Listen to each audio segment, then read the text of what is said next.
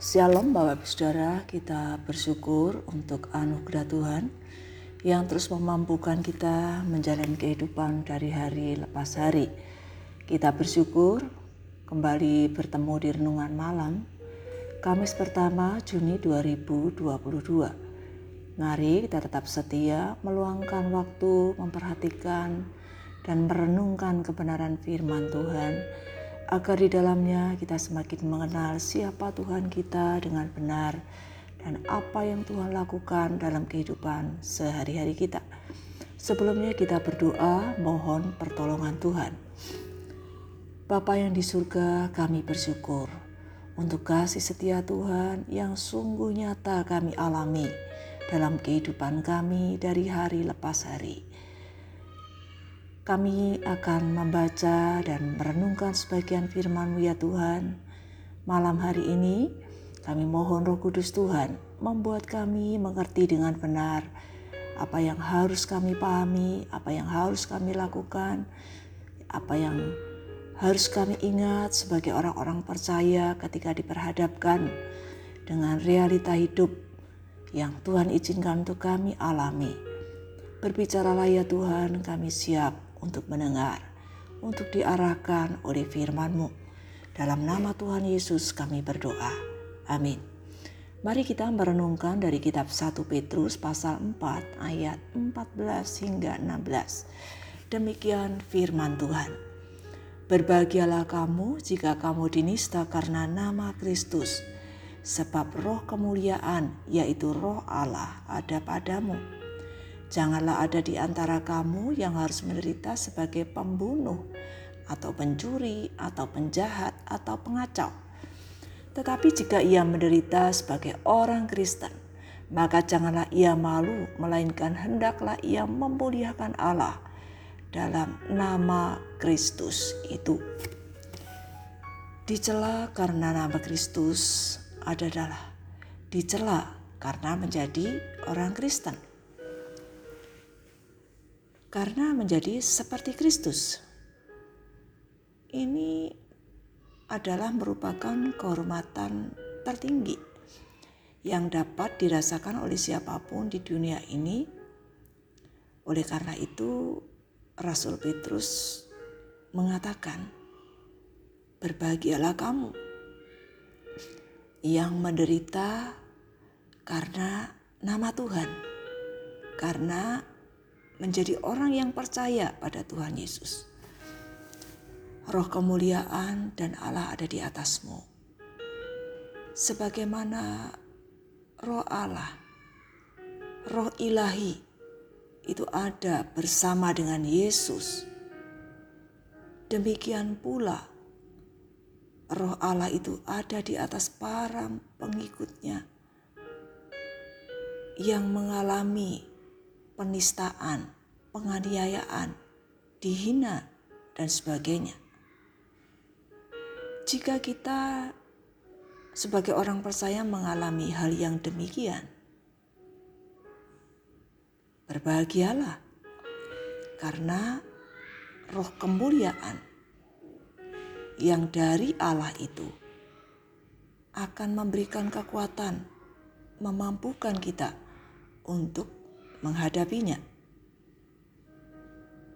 Sehingga apa yang membuat tidak bahagia di mata dunia dalam pandangan orang-orang yang belum percaya adalah kebahagiaan orang percaya di hadapan Tuhan. Orang percaya membawa Kristus sebagai sumber berkat di dalam hidupnya, sehingga ia berbahagia jika oleh sesama manusia orang percaya dihujat, diperlakukan tidak adil. Tetapi firman Tuhan mengatakan, seperti Rasul Petrus sendiri sudah mengalaminya, yaitu berbahagia di hadapan Tuhan. Petrus memperingatkan tentang penderitaan yang tidak boleh terjadi pada orang percaya antara lain karena menjadi seorang pembunuh atau pencuri atau pelaku kejahatan. Hal yang demikian ini sangat menyedihkan, memalukan ketika seseorang yang menyebut dirinya sebagai orang Kristen harus menanggung penderitaan karena hal itu. Tetapi jika seseorang mungkin menderita karena dia benar-benar berperilaku sebagai orang Kristen, sebagai pengikut Kristus. Tidak perlu malu, tidak perlu takut, karena hal itu memuliakan Tuhan. Kristus sudah lebih dulu menderita demi nama Allah, memuliakan Allah. Apabila kita diizinkan untuk menjadi pengikutnya, ingatlah bahwa itu sesuatu yang istimewa jika kita pernah atau sedang dan mungkin akan mengalami penderitaan karena menjadi pengikut Kristus, ingatlah, berbahagialah, karena roh kemuliaan, yaitu roh Allah bersama dengan kita.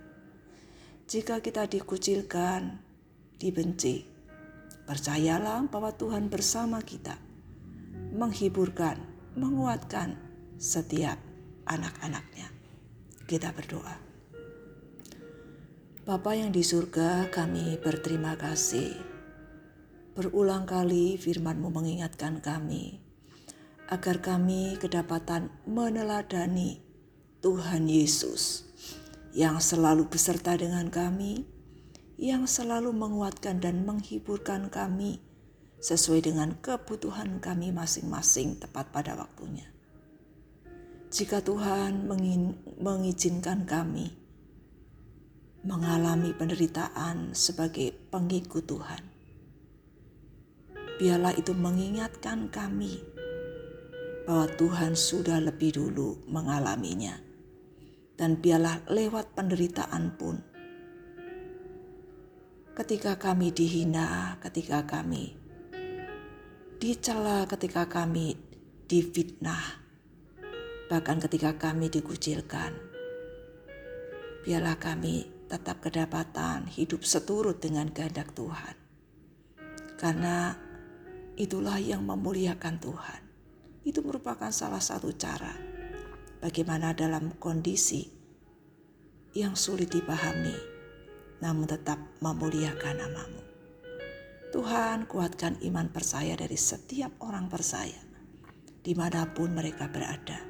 Sekiranya mereka saat sedang berjuang mengalami penderitaan sebagai orang percaya, sebagai orang-orang yang taat pada perintah Tuhan. Tuhan, mari Engkau menguatkan mereka, menghiburkan mereka. Percaya mereka bisa melewati itu semua karena ada tangan Tuhan yang menuntun, yang memimpin dan melindungi mereka. Bapa, kami menyerahkan istirahat malam hari ini dalam ketidaktahuan kami dengan apa yang akan terjadi. Kami percaya Tuhan, Engkau ada bersama dengan kami. Dan esok hari pun Tuhan, Allah yang sama itu akan menguatkan kami, memimpin perjalanan hidup kami. Sesuai dengan waktu yang Tuhan tetapkan, bahkan sesuai dengan rencanamu yang indah bagi kami anak-anakmu.